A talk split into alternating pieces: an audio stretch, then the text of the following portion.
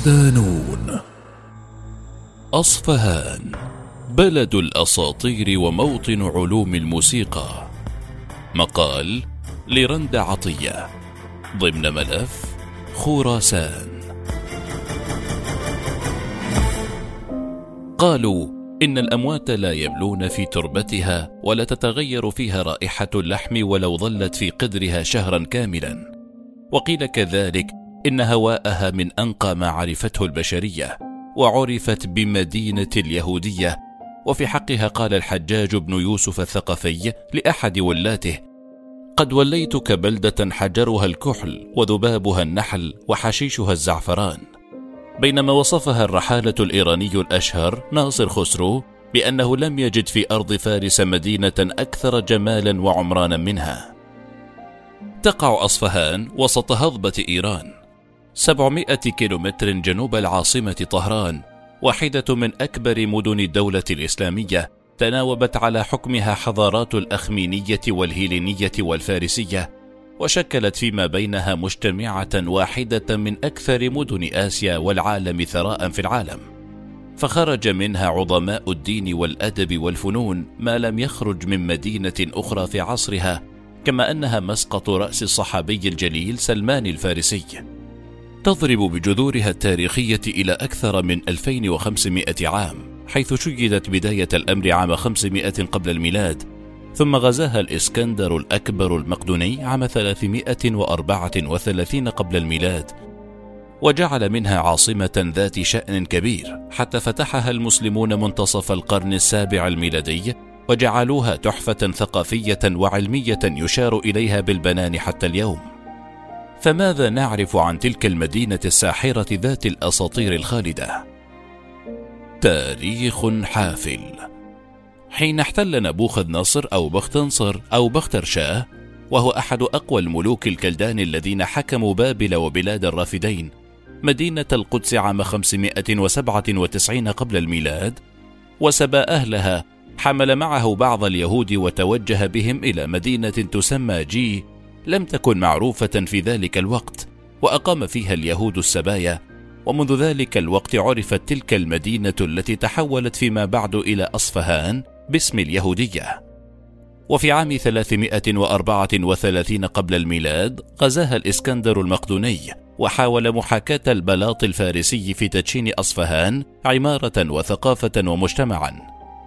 فخلق مزجا بين الهيلينية والفارسية حتى وقعت في نهاية المطاف في قبضة ملوك الساسانيين وكان آخرهم كسرى يزجرد الثالث الذي حكم بين 631 و 651 ميلادي. وفي العام 19 أو 20 للهجرة 640 أو 641 ميلادية فتح العرب المسلمون بقيادة عبد الله بن عبد الله بن عتبان أصفهان وذلك عقب فتحهم لنهاوند بعد هزيمتهم لكسرى آخر ملوك الساسانيين لتصبح على أيدي المسلمين واحدة من أعظم المدن التجارية والصناعية في بلاد فارس حيث تميزت بصناعة المواد الغذائية ومواد البناء والأقمشة والمنسوجات الصوفية. وفي عهد الدولة الصفوية بين 1501 و 1744 للميلاد اتخذها عباس الصفوي الأول عاصمة له بدلا من قزوين وقد أرجع الباحثون اختياره لأصفهان بسبب بعدها عن الإمبراطورية العثمانية. ومن ثم سيكون بمنأى عن هجماتها وغزواتها بخلاف أنها في حضن الجبل ويصعب اختراقها بسهولة مقارنة بقزوين القريبة. وهكذا ظلت أصفهان أحد خطوط المواجهة الثقافية والعقدية بين الصفويين والدولة العثمانية حتى وقت قريب. كنز تراثي يذهب العديد من الباحثين إلى وصف أصفهان بأنها خزنة ومستودع الوجدان الإيراني الحافل بمستويات المعاني. فرغم أنها ليست المدينة الأكبر مساحة ولا الأكثر عددا ولا الأقوى اقتصاديا أو سياسيا لكنها ذات طابع خاص وضعها في منزلة استثنائية لدى الإيرانيين وهو ما أهلها لأن تكون ذات قيمة تاريخية وثقافية وأثرية عالية في العقل المجتمعي الإيراني. تزخر أصفهان بمئات المواقع التراثية الأثرية بعضها يعود لمئات السنين كما تتميز بالمساجد ذات الطابع المعماري الفريد وبها مآذن تعود لأكثر من 500 عام مثل مئذنة سربان التي يعود تاريخ بنائها البديع بنقوشها وفسيفسائها وأصباغها إلى القرن الرابع العشر ميلادي. كذلك مسجد شيخ لطف الله الذي يعد أحد أشهر مساجد المدينة حيث يكسو قبته اللون العاجي ذو البريق الأخاذ رغم بنائه منذ أكثر من 350 عاما. يصف البعض أصفهان بأنها مدينة الجسور حيث تزخر بالعديد منها على نهر زايندا رود وتمتاز بعبقرية التصميم وروعة المنظر ومن أشهر جسورها جسر شهرستان الذي شهد اغتيال الخليفة العباسي الرشيد بالله عام 1138 ميلادي. وجسر سيوا سابيل جسر الثلاثة والثلاثين قوسا وجسر بالخواجو الذي يتخذ اسمه من ضاحية خواجو الكاتب على الضفة الشمالية من النهر حيث يربطها بالضفة الجنوبية. العلم الأشهر. كانت أصفهان ولادة للكثير من أهل الأدب والعلم ممن نشروا التنوير والثقافة في شتى أنحاء العالم بل إن بعضهم لا يزال حاضرا بأعماله ومؤلفاته حتى اليوم. كما هو علي بن الحسين بن محمد بن أحمد بن الهيثم المرواني الأموي المعروف باسم أبي الفرج الأصفهاني المولود بين 897 و 967 ميلادية. ذاك الأديب العربي الأشهر وصاحب الكتاب الأكثر شهرة الأغاني. ولد ابن الحسين في أصفهان وتوفي في بغداد وهو من أصول عربية قريشية ويعد من أوائل وفطاحل من كتبوا على الموسيقى العربية وصاحب التوثيق الأكثر مصداقية لهذا الفن من القرن السابع إلى التاسع الميلادي. ومن الباحثين والمؤرخين من وصفوه بأنه أحد الآباء المؤسسين لعلم موسيقى الشعوب الحديث.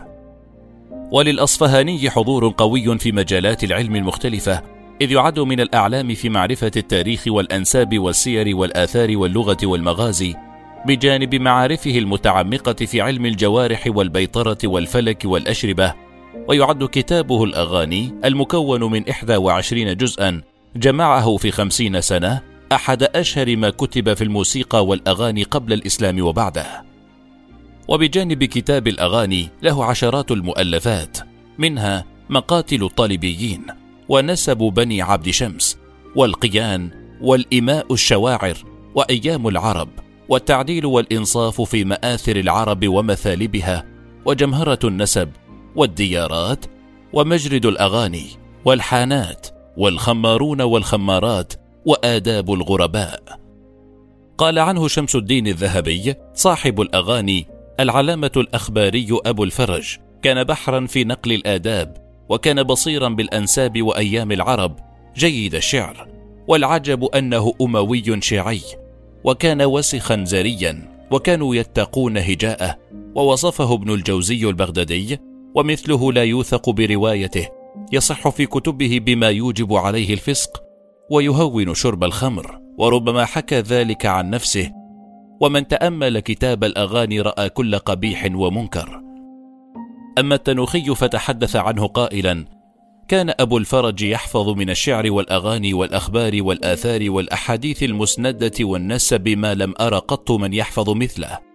ويحفظ دون ذلك من علوم أخرى منها اللغة والنحو والخرافات والسير والمغازي ومن آلة المندمة شيئا كثيرا مثل علم الجوارح والبيطرة ونتف من الطب والنجوم والأشربة وغير ذلك. وله شعر يجمع إتقان العلماء وإحسان الظرفاء الشعراء.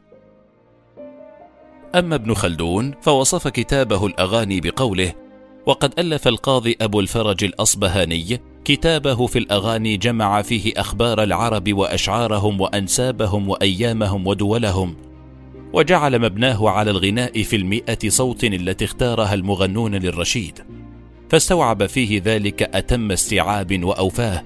ولعمري إنه ديوان العرب وجامع أشتات المحاسن التي سلفت لهم في كل فن من فنون الشعر والتاريخ والغناء وسائر الأحوال ولا يعدل به كتاب في ذلك فيما نعلمه وهو الغاية التي يسمو إليها الأديب ويقف عندها وأنى له به. ومن أعلام أصفهان أيضا الحسين بن محمد بن المفضل أبو القاسم الأصفهاني المعروف بالراغب الأصفهاني. ولد في أصفهان في نوفمبر تشرين الثاني سنة 954 وتوفي عام 1108 عاش معظم حياته في بغداد ويعد من أقطاب علماء السنة الذين قضوا حياتهم في مهاجمة الشيعة والمعتزلة رغم ادعاء البعض بأنه شيعي نظرا إلى ولادته في أصفهان ذات الأغلبية الشيعية. أبحر في علوم القرآن والسنة واللغة وأجاد في الحديث وأبدع في الأخلاق والعلوم الفلسفية وهو في المقام الأول أديب من الطراز الأول. وامتزجت معظم مؤلفاته حتى الدينية منها بدرر علوم المعاجم كالدعاء والنحو والاستذكار. كما تضمنت أعماله قيما أدبية وأخلاقية ودينية ولغوية وتاريخية. أثر المكتبة الإسلامية بأمهات الكتب في العديد من المجالات لكن ما وصل منها أقل بكثير مما كتبه. ومن أبرزها محاضرات الأدباء الذريعة إلى مكارم الشريعة الأخلاق ويسمى أخلاق الراغب. جامع التفاسير. أخذ عنه البيضاوي في تفسيره المفردات في غريب القرآن. حل متشابهات القرآن. تفصيل النشأتين. تحقيق البيان. الاعتقاد. أثانين البلاغة.